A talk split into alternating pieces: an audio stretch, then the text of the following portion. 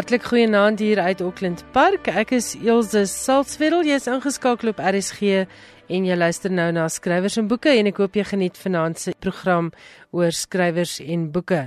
En ons spring weg met wonderlike nuus. Jaco Jakob, sy ou bekende hier by Skrywers en Boeke, is pas weer bekroon met 'n baie gesogte toekenning, die tweejaarlikse Exclusive Books IBSA toekenning.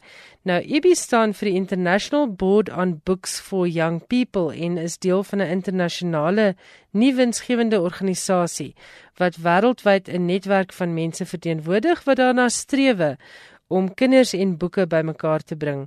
Die toekenning bekroon die skrywer sowel as die illustreerder van die wenboek. En in hierdie geval is die wenboek Moenie hierdie boek eet nie en die illustreerder is Zenelda McDonald. Sy is natuurlik ook baie bekend vir haar pragtige boek illustrasies. Om vir die prys in aanmerking te kom, moet die skrywer en die illustreerder albei Suid-Afrikaans wees en die boek moet oorspronklike werk in enige Suid-Afrikaanse taal wees. Die boek moet ook in Suid-Afrika gepubliseer word. Die prysgeld van R10000 word deur die skrywer en illustreerder gedeel. Moenie hierdie boek eet nie, 'n rympie vir elke dag van die jaar is 'n versameling van 366 splinternuwe kinderverse uit die pen van Jaco Jacobs. Dit sluit love rympies, haikus, limerieke en tongknopers in wat kinders en groot mense heel jaar deur sal laat skaterlag. Daar's rympies oor oupas en oumas, goggas, krieket, ruimtevaders, seerowers, spooke, skooltoilette, kersvader en krokodille om maar net 'n paar van die dinge te noem. Oor die illustrasies skryf die kinderboekkenner Lona Gericke as volg: McDonald's se illustrasies is modern, verbeeldingryk, vol humor en maak 'n groot bydrae tot die algehele gevoel van 'n puikproduksie. Haar werk kan vergelyk word met van die beste internasionale bundels wat ek al beoordeel het. Aldus Lona Gericke. Dan is daar nog 'n opmerking hier oor die boek in geheel. Dit kom uit 'n keuringsverslag. 'n Puikkeurige versorgde boek waar teks en illustrasies 'n uiters aantreklike geheel vorm. Die rympies onderskryf net weer Jaco Jakob se fyn aanvoeling vir die ervaringswêreld van kinders. Colleen Whitfield, die kinderboekbestuurder van Exclusive Books sê, die primêre oogmerk met die Exclusive Books IBI toekenning is om erkenning te gee aan die ongelooflike Suid-Afrikaanse talent en om plaaslike skrywers en illustreerders aan te moedig om die internasionale standaard van illustrasies en stories te handhaaf. Hierdie genre van letterkunde het pragtig in Suid-Afrika ontwikkel en Exclusive Books sal graag wil toesien dat dit selfs verder groei. Exclusive Books het ook aangekondig wie op hierdie kortlys van hulle was. En moenie hierdie boek eet nie deur Jaco Jacobs en Zenelda McDonald was die enigste Afrikaanse boek op die kortlys. Die ander twee is The African Orchestra deur Wendy Hartman en John Rankin uitgegee deur Jacana Media en Mr Hare meets Mr Mandela deur Chris van Wyk en Paddy Bouma ook uitgegee deur Jacana Media. So Jaco Jacobs baie geluk aan jou en Zenelda McDonald met julle IBI vir moenie hierdie boek eet nie. En luisteraars as jy wonder oor 'n kinderboek geskenk vir 'n spesiale kind in jou lewe of dalk vir 'n biblioteek wat na in jou hart lê, dan is hierdie beslis die boek wat ure se genot sal verskaf. Ek kan dit ook aanbeveel vir onderwyseresse en mense wat betrokke is by dramaklasse en aesthetics wat altyd op soek is na oorspronklike rympie of twee vir kinders om voor te dra. Dan gesels ek nou met Gerda Taljaard, sy is die skrywer van Die Laksman se dogter, 'n boek wat deur Deborah Steinmeier beskryf is as 'n weghol spooktrein en so donker soos 90% kakao lint sjokolade. Dit was vir my werklik 'n ongelooflike boek. Dit val in die genre van huishoudelike noir, met ander woorde 'n redelike donker boek wat afspeel in die huishoudelike omgewing en dit spreek omstrede temas aan soos dwelmverslawing, die doodstraf, genadedood, afknouery, selfdood en selfs ook bekruiping deur die media. Maar voordat jy die radio afskakel, hierdie is nie net 'n donker boek nie. Dit is werklik 'n pyk boek met heelwat ligter oomblikke wat maak dat 'n mens aan mekaar omblaai om by die volgende bladsy uit te kom. Gerda, baie welkom. Dis nie jou eerste roman nie, dis jou derde roman. Vertel gou vir ons 'n bietjie meer van Gerda Taljaard. Baie dankie Ilse en dankie vir die geleentheid. Ek is skrywer en akademikus, maar ek moet sê ek wou nie altyd 'n skrywer wees nie. Ek wou eintlik altyd 'n musikant gewees het, maar toe het dit nou nie heeltemal so uitgewerk nie en ek is nou nogal bly. En gelukkig as mens skryf, dan kan jy enige iets wees. Ehm um, as jy goed Jy bedoel in jou boeke. In jou in, in my boek, ja. So ek kan as ek 'n goed genoeg skryf, kan ek actually nog 'n goeie chirurg op papier wees. So ek skryf en dan se ek akademikus, ek's deeltyds akademikus by Unisa by die departement Afrikaans en algemene literatuurwetenskap. So letterkunde is jou daaglikse werk en dit is ook jou belangstelling. Hoe dit gebeur? Wel, dit kom van Waverley se daar waar ek groot geword het. Ek het in die moed groot geword en die Waverley biblioteek was die alles waar om my klein jong lewetjie gedraai het.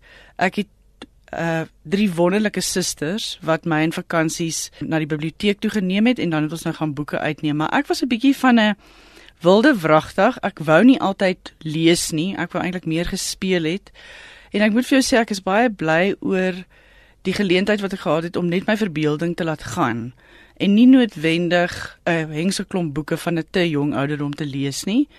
Maar um, my geliefkoeste boek toe ek nou 'n kind was was natuurlik Huppelkind en dit was ook die eerste boek. Ek, ek dink dit was Huppel vir jaar.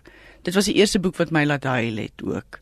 Dit was eintlik 'n 'n huil van teleurstelling want Huppel se oupa sê vir hom wat wil hy vir sy verjaardag hê en Huppel sê hy wil maatjies hê en dan gaan Huppel al die pad na die soet kuil uh vol water wat nooit opdroog nie en as hy daar kom dan wag daar net 'n klomp voëls op hom en nie maatjies nie.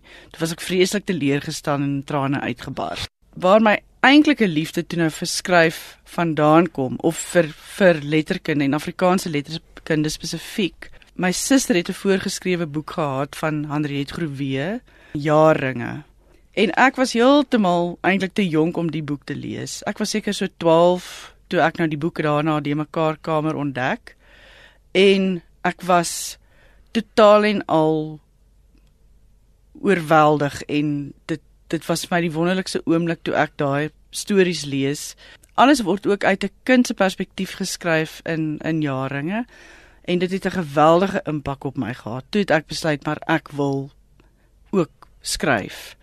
Maar ek wil spesifiek soos hierdie vrou kan skryf. Nou ja, dit kan ek nou nog nie doen nie, maar ehm um, ek dink jy het taamlik 'n goeie pogings tot dusver aangewend hoor. Ons um, ons hou van wat jy skryf en ek hou van jou styl.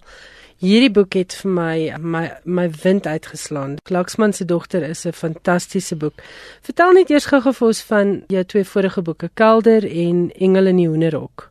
Engel in die Hoenderhok was so semi-autobiografies en ek dink nogal 'n skrywer se eerste boek is dikwels autobiografies, maar dit was ook nogal 'n psigologiese thriller op 'n manier soos wat Kelder ook was en Engel Nieuwer ook is nogal baie dis dark matter. Hmm. Dis dis donker boeke en Laxman op 'n manier ook is 'n donker tema hoewel ja. jy dit baie goed hanteer en daar's genoeg humor en lig daarin.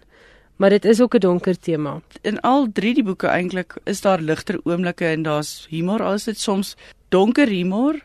Toe was Kelder 'n bietjie van 'n domestic noir, maar ek dink al drie hierdie boeke, Engel in die Hoenderhok, Kelder en Die Laksman se dogter, het nogal disfunksionele gesinne. Ja, dit staan sentraal in die boek en ek dink Deborah Steinmetz het dit nogal goed beskryf dat ek geneig is om domestic noir te skryf. Nou ja, domestic noir is 'n genre wat wat juist daaroor gaan. Die huis is veronderstel om 'n veilige, geborgde plek te wees, maar is dikwels 'n slagveld as gevolg van verskeie dinge, ehm um, onderdrukking, ehm um, verslawing, mishandeling en dan natuurlik verslawing, soos ja. wat dit nou spesifiek in die Laksman se dogter is. Kom ons praat 'n bietjie oor die Laksman se dogter. Wil jy vir die luisteraars 'n kort sinopsis gee van die storie? Ek wil nou nie die storie vertel en dan gee ek nou dalk ietsie weg wat jy eintlik wil hê hulle moet in die boek lees nie. Ja, dit is nogal altyd 'n probleem hoeveel om weg te gee in 'n resensie of in 'n onderhoud. Maar dit gaan oor die hoofkarakter Rosaria wat se dogter op 'n baie vreemde en geheimsinnige manier sterf en wanneer sy dan sterf en wanneer dit haar begrafnis is, dan kom die herinneringe terug na Rosaria toe. Want die dogter Annalisa was vervreem van haar ouers as gevolg van haar dwelmprobleem. En dan stelselmatig kom die herinneringe terug na Rosaria toe van Annalisa se geboorte, hoe sy wat Rosaria was as ma aan nageboortelike depressie gelei het en of dit dalk aanleiding gegee het tot uh Annalisa die dogter se se dwelmprobleem. En sy probeer al hoe meer dink het sy dalk 'n aandeel gehad in haar dogter se probleem of was dit geneties? Die vraag ontstaan in die boek nogal is dit nature or nurture? Is dit wat in jou gene is of is dit wat jou omstandighede is wat aanleiding gee tot 'n uh, verslawing?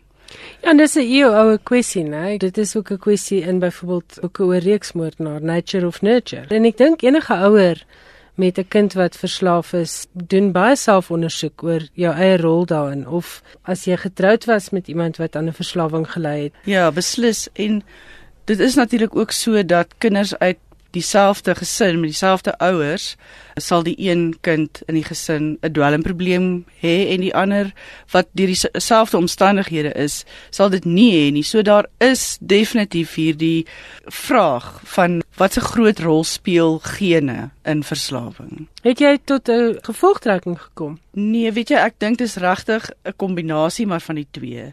Maar daar is definitief ek dink tog maar omgewingsfaktore en dan sekere emosionele faktore wat uiteindelik nogal daardie persoon wat dalk 'n geneigtheid het oor daardie drempel gaan stoot. Met ander woorde 'n tipe van 'n karaktertrek. Ja, en natuurlik in die geval van Annalisa, sy is 'n baie sensitiewe kunstenaars siel wat dalk meer geneig is tot middelafhanklikheid. Dis moeilik om te sê, maar ja. Ek het die boek geniet omdat jy definitief insig het in hierdie situasie in die trauma wat saamgaan rondom middelverslawing, uh, afhanklikheid, disfunksionele gesinne. Het jy baie navorsing gedoen om dit so effektief en so goed te kan oordra? Ek het nogal intensiewe navorsing gedoen. In die eerste plek het ek 'n vriendin wat bereid was om haar verhaal vir my te vertel van haar en haar dogter wat die pad wat hulle geloop het met haar dogter se verslawing en ek verwys dan ook na haar agter in die boek. Ek het nie noodwendig haar karakter gebruik nie, maar wel die gegewe. Dit het my nogal baie insig gegee in wat in so 'n gesin gebeur en dit was nogal skrikwekkend. Verder het ek rehabilitasiesentrums besoek. Ek het met verslaafdes gepraat, ek het met gerehabiliteerde verslaafdes gepraat. Ek het ook met die personeel by hierdie sentrums gepraat. So dit was direkte navorsing wat ek gedoen het en natuurlik kan mens baie dinge raakloop ook op die op die internet. Blogs en gespreksgroepe mm. vir verslaafdes en so aan. Die omeswaai of die hoe kan ek sê, die gevolgtrekking, die afloop van die boek. Dis dalk die regte term. Die afloop van die boek is vir my pragtig. Jy het 'n karakter ingebring wat die hele boek lig na 'n vlak waar 'n mens voel daar's berusting en jy het uitgekom by die waarheid en sy gaan uiteindelik haar vrede kry wat sy so desperaat begeer. Rosaria nou. Annelisa is nou ongelukkig dood. Vir haar is dit te laat. Was daardie 'n bewustelike kinkel in jou storiekabel of is dit een van daai karakters wat kom aanmeld het soos wat jy geskryf het? Weet jy Ilse, dit is vir my as persoon baie belangrik dat mense om verskoning sal vra en dan berusting sal kry. Dit was met ander woorde vir my belangrik. Ek wil nou nie te veel van die boek weggee nie, maar dat Annalisa selfs na haar dood op 'n manier nog vir haar ouers kon sê jammer oor alles wat ek gedoen het, maar ook dat Rosaria op 'n manier ook om verskoning kon vra vir haar dogter uh oor wat moontlik aanleiding kon gee tot haar verslawing. Ek dink wat deur die hele boek loop is skuld en skulderkenning en dan natuurlik die genesende effek van om te sê ek is jammer. En ook om te vergewe, want jy kom eintlik eers vry as jy vergewe het. Ja. Daardie vrede en daardie vryheid wat sy uiteindelik kry, so die die luisteraars moet weet as hulle die boek lees, dit mag dalk donker en swaar wees, maar dit het 'n baie hoopvolle en positiewe einde. Maar dit lees heerlik. Dit is 'n donker tema, maar dit is nie 'n tema wat jy laat voel, "Jo, ek moet eintlik maar net hierdie boek neersit nie." Daar's die hele tyd iets wat 'n mens laat omblaai na die volgende bladsy. Die titel was vir my ook baie interessant. Waar het jy aan die titel gekom? Die titel verwys natuurlik na 'n werklike laksman, dit is nou Rosaria se pa, maar dit verwys dan natuurlik ook na die voeltjie. En ek wou nogal hierdie kontras, hierdie ambivalensie skep in die boek dat dieselfde persoon soos Rosaria se pa wat aan die een kant baie liefdevol kan wees, kan dan ook as tronkdokter waar hy mense dan die genadeskoot moet gee, kan hy ook baie wreed wees. Dieselfde met Rosaria. Rosaria kan 'n baie liefdevolle ma wees, maar sy het dit ook in haar wanneer sy uh daartoe gedryf word om waarskynlik iemand se lewe te neem. En ek dink dit is waar dit vandaan kom en natuurlik ook die hele genetiese ding van die Laksman se dogter. Hoe sal die dogter ehm um, van so 'n meedoenlose mens presies Ja. Ja, ek, jy het myself met die titel en die gebeure waarna jy nou verwys 'n klein bietjie verras. Ek het dit nie sien kom nie.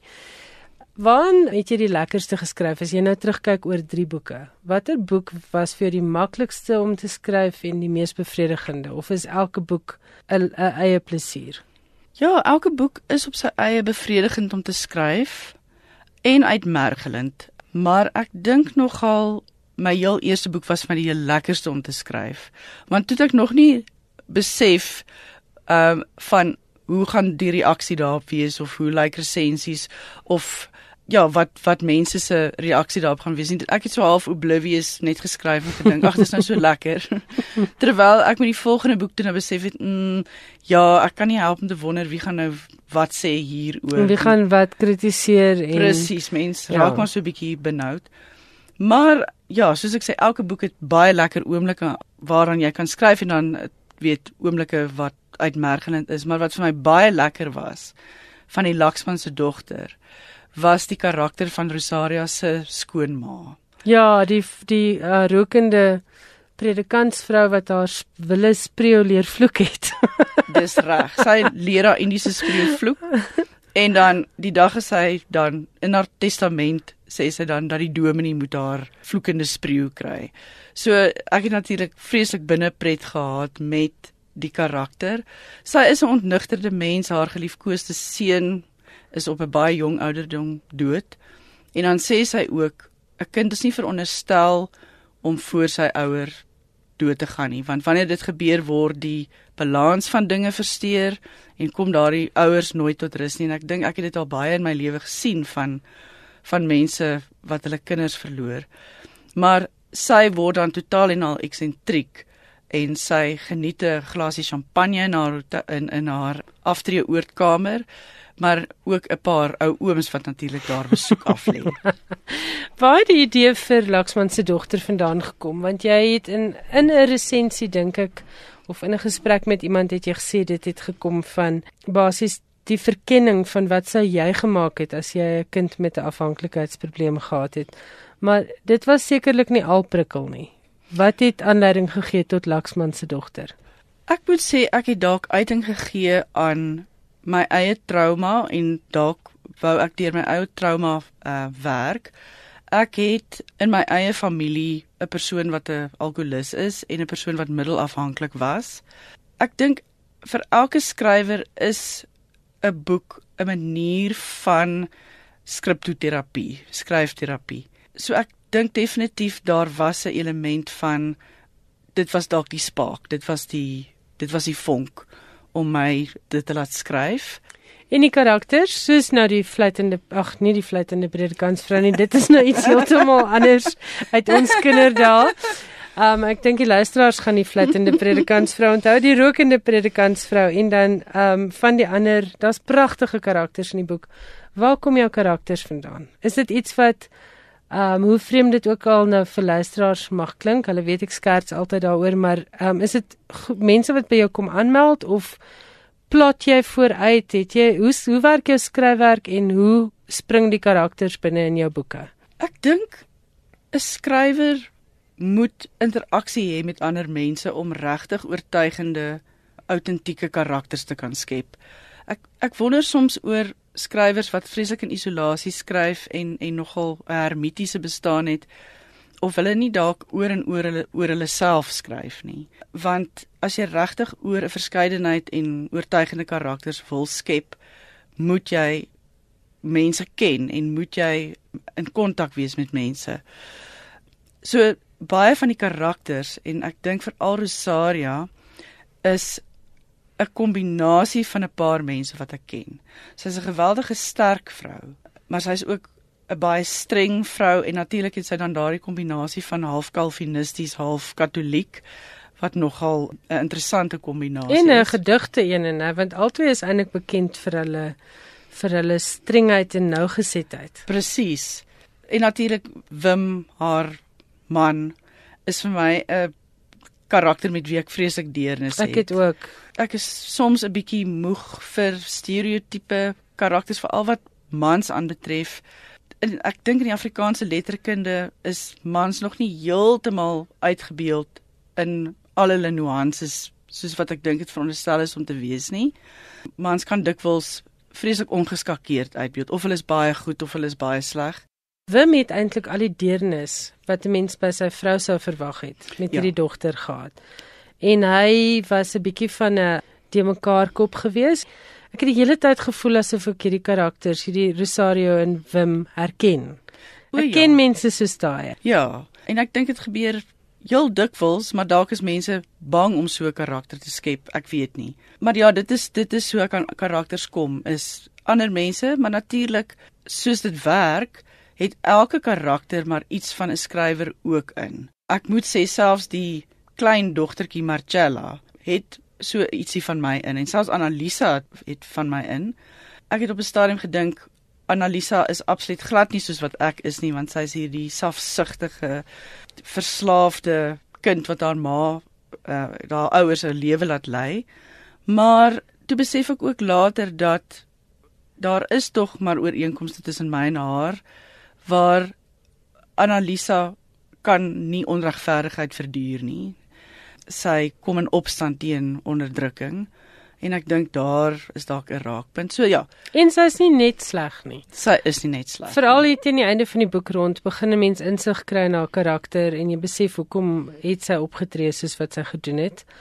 En 'n mens kan as leser ook nie help om haar ma se rol in hierdie goeters te bekyk nie. Ja. En ja. dan bring dit jou uiteindelik weer terug by dit waar jy gepraat het van nature versus nurture. As een ding anders hanteer was, hoe anders sou die res van haar lewe dalk nie verloop het. Presies. Ja. Ons gaan afsluit met musiek wat jy gekies het. Rosaria is baie lief vir opera musiek. Het jy dit bewustelik ingebring? Rosaria se pa was eintlik die een wat verskriklik lief was vir opera. Dit kom nie heeltemal so duidelik uit in die boek nie, maar toe ek hom as karakter geskep het, het ek 'n vreeslike duidelike beeld van hom gehad. Hierdie persoon wat aan die een kant baie liefdevol is, aan die ander kant baie wreed, maar dan ook hierdie baie kunsinnige streep het en dan geweldig aan trauma gely het as gevolg van die werk wat hy gedoen het. Maar ek self is is baie baie lief vir opera. Gerda Taljard, baie dankie dat jy met ons kom gesels het hier in die skrywers en boeke ateljee. En weer eens baie geluk met die Laksman se dogter. Dit word uitgegee deur Penguin en ek dink dit is een van my Afrikaanse boekhoogtepunte van 2017. Baie geluk en ek hoop die boek verkoop uitstekend. Baie dankie, so groot kompliment. Dankie vir die geleentheid. Terwyl ek besig was om die afspraak met Gerda per e-pos te reël, het ek ook sommer vir haar gevra om vir my te laat weet of sy musiek gebruik tydens die skryf van haar boeke. En hier is haar antwoord. Sy sê ja, ek luister na musiek om my in 'n sekere luim te kry of 'n spesifieke atmosfeer in my kop te skep. Dikwels luister ek na Arvo Pärt se Fioralina, maar ook Ierse volksmusiek van byvoorbeeld False Lights. Verlede week het Leo de Jager vir my 'n e-pos gestuur oor die feit dat Chinua Achebe se roman Things Fall Apart in Afrikaans vertaal is. Hy het gedog uh, deur Jan Rabie ek het so 'n bietjie gaan navorsing doen en uitgevind dit is inderdaad in Afrikaans vertaal as 'n pad loop dood en die vertaler was Chris Barnard. Leo de Jager, baie dankie vir daardie stukkie inligting. Uh Padloop dood is in 1963 reeds gepubliseer en ek kan geen spoor vind dat hierdie boek ooit weer daarna herdruk is nie. So as jy dit op jou rak het, 'n Padloop dood deur Chris Barnard, dan sit jy besmoontlik met Afrikaana. Nou is dit Terrence April se beurt met nog 'n skrywer uit Afrika en vanaand gesels hy oor Dambutsu Marichera van Zimbabwe. Dambutsu Marichera is in 1952 in Wengere, Zimbabwe gebore. Na sy skoolopleiding het hy aan die Universiteit van Zimbabwe in Harare in die letterkunde gestudeer. Hy het later ook aan die Universiteit van Oxford sy studies voortgesit. Hy het teruggekeer na sy geboorteland en verskeie romans uitgegee. Sy The House of Hunger het in 1978 verskyn en die Guardian Fiction Prys ontvang. Nog 'n werk waarmee hy 'n prys verower het, was The Black Insider. Die Nomma-toekenning vir gepubliseerde werke in Afrika is aan hom vir die werk gegee. Tambutsu Marichera het nie net romans geskryf nie. Sy bundel gedigte Cemetery of the Mind het in 1999 verskyn en is goed ontvang.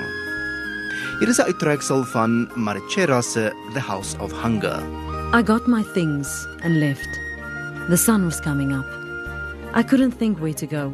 I wandered towards the beer hall but stopped at the bottle store where I bought a beer. There were people scattered along the store's wide veranda, drinking. I sat beneath the tall masasa tree whose branches scraped the corrugated iron roofs. I was trying not to think about where I was going. I didn't feel bitter. I was glad things had happened the way they had. I couldn't have stayed on in that house of hunger, where every morsel of sanity was snatched from you, the way some kinds of birds snatch food from the very mouths of babes. Tambutsu Marichera het op 'n keer gesê taal is die skrywer se slaaf. Jy moet dit verniel en mishandel soos jy dit goed dink. Hy het egter ook gesê elke keer as die Afrika skrywer oor die brutaliteite van die koloniale era skryf, ontglip die taal hom en raak die skrywer 'n slaaf van sy eie onvermoë om die taal te gebruik om hom vry te maak.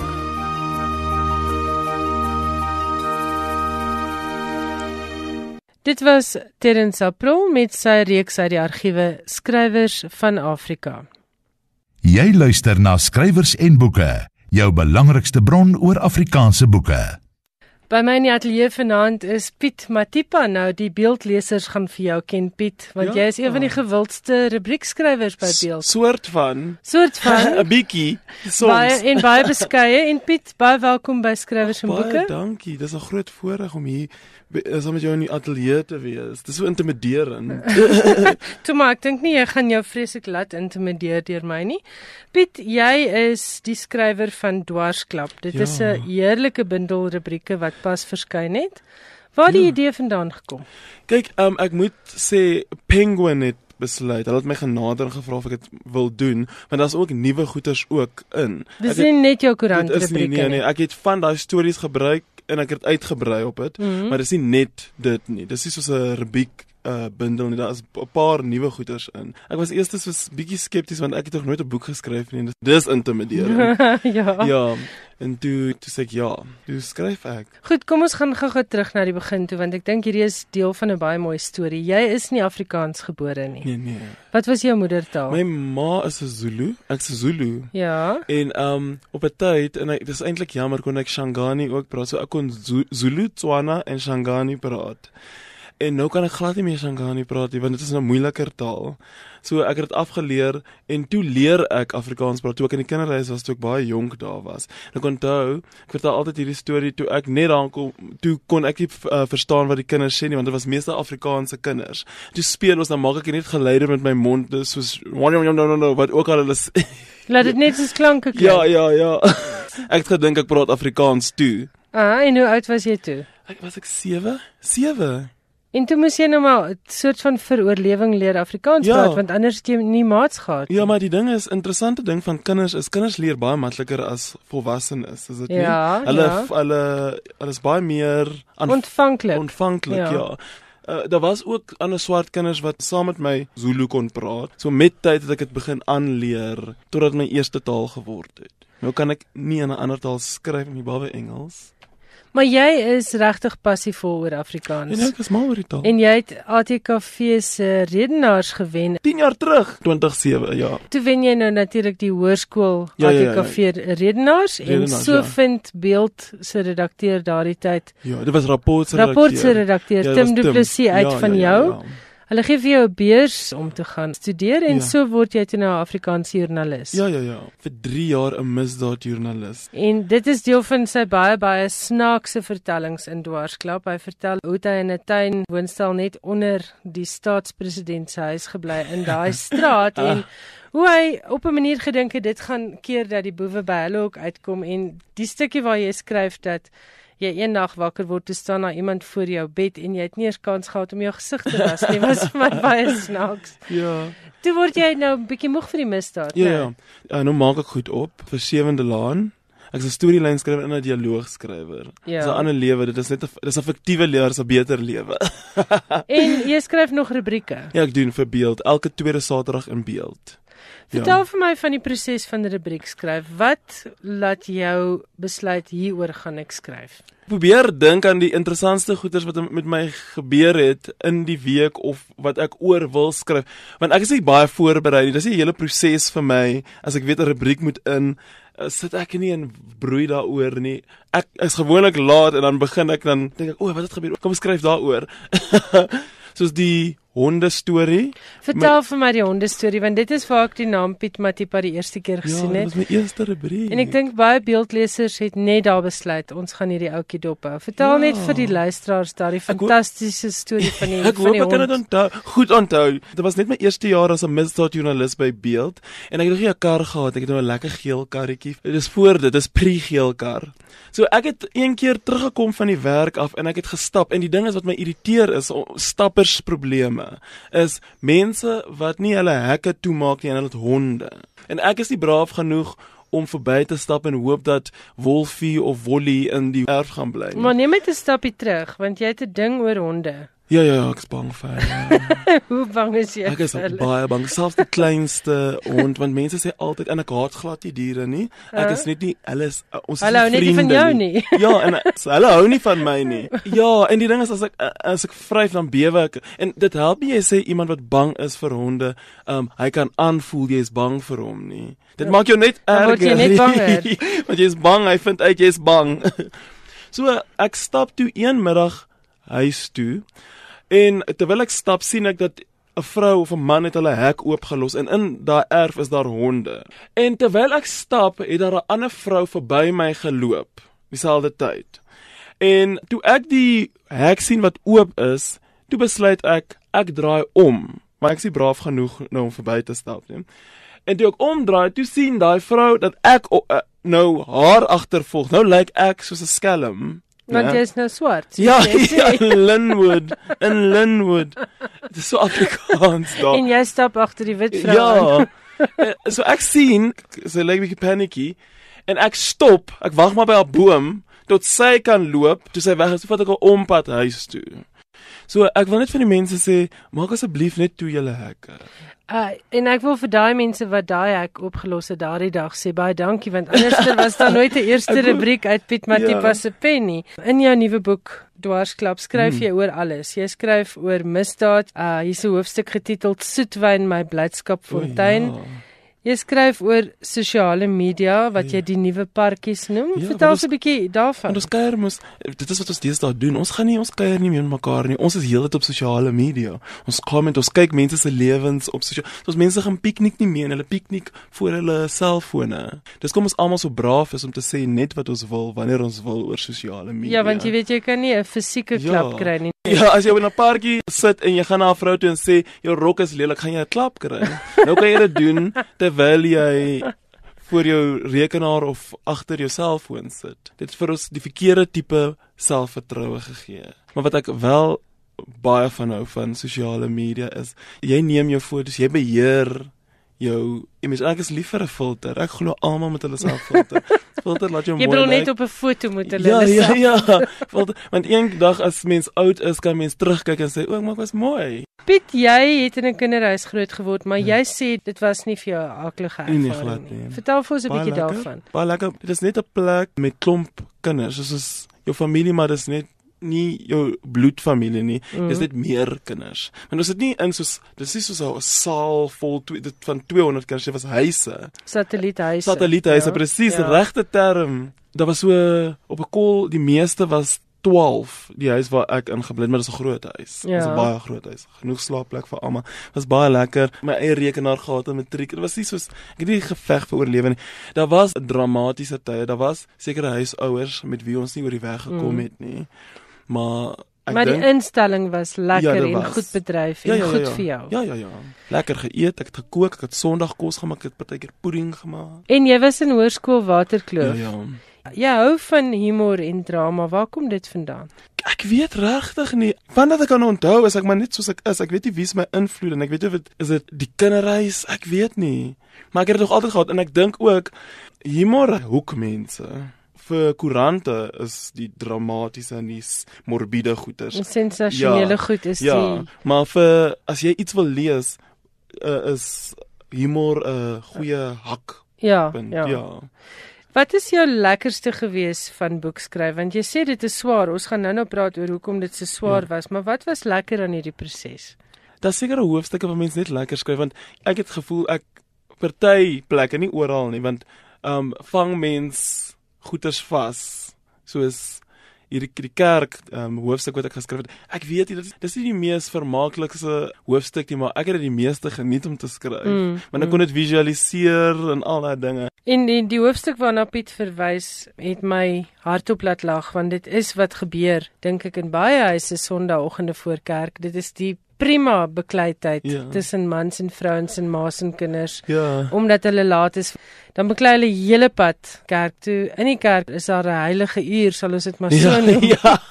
en dan na die tyd is jy nog goed onder die invloed van die mooi boodskap en dan die res van die Sondag beklei jy weer. Ja.